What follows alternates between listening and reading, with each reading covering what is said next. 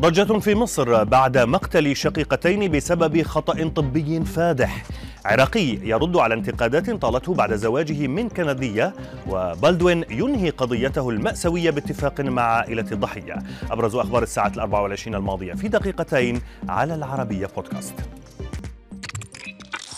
نبدأ من مصر حيث ضجت ال social media بخبر مقتل شقيقتين إثر تلقيهما حقنة مضاد حيوي في صيدلية بمحافظة الإسكندرية دون إجراء اختبار حساسية.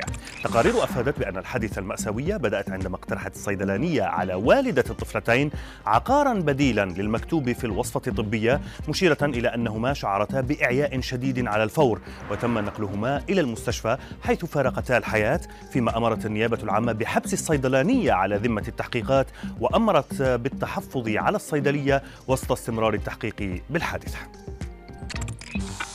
نبقى في مصر حيث نفت وزارة الداخلية ما تم تداوله على مواقع التواصل من صور وفيديوهات تتحدث عن اقتحام بلطجية لمدرسة في القاهرة واختطاف عدد من طلابها. وسائل إعلام تحدثت عن أن ناشطين تداولوا منشورات قالوا إنها توثق حالة من الفوضى واستخدام أسلحة بيضاء داخل مدرسة عباس العقاد في حي البساتين بعد انتهاء اليوم الدراسي وسط ذعر انتاب أولياء الأمور لدى حضورهم إلى المدرسة. فيما أكدت الداخلية أن كل ذلك عار تماما من الصحة جملة وتفصيلا إذ تبين من الفحص عدم ورود أي بلاغات في هذا الشأن.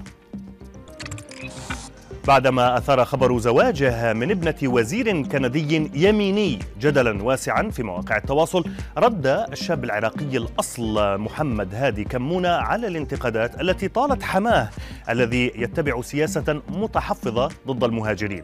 كمونة قال في تصريحات إن والد عروسه دوغ فورد الذي يرأس حكومة مقاطعة أونتاريو يتبع سياسة وسطية تصب في مصلحة المهاجرين وكندا عكس ما يشاع عنها على أنه متشدد ومن رافضي الهجرة فيما لاقت صور زفاف محمد وكايلا فورد تفاعلا واسعا على حسابها على إنستغرام.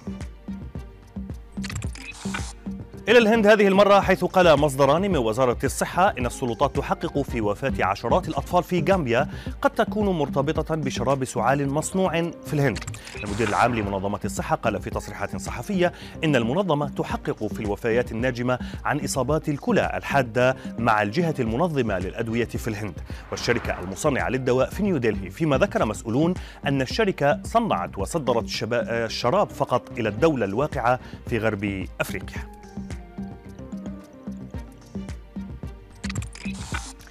وفي خبرنا الأخير أعلن فريق إنتاج فيلم روست والممثل الأمريكي أليك بالدوين التوصل إلى تسوية مع عائلة المصورة السينمائية هالينا هيتشنز التي قتلت برصاص سلاح ناري كان يحمله بالدوين في أكتوبر 2021 صحيفة وول ستريت جورنال أوضحت أن هذا الاتفاق ينهي دعوى الموت الخطأ القضائية التي كانت رفعتها عائلة هيتشنز ضد بالدوين خلال العام الماضي. فيما نقلت الصحيفة عن بيان من ماثيو هيتشنز زوج المصورة أن المحكمة سترد القضية بعد التسوية التي لم يفصح عن تفاصيلها.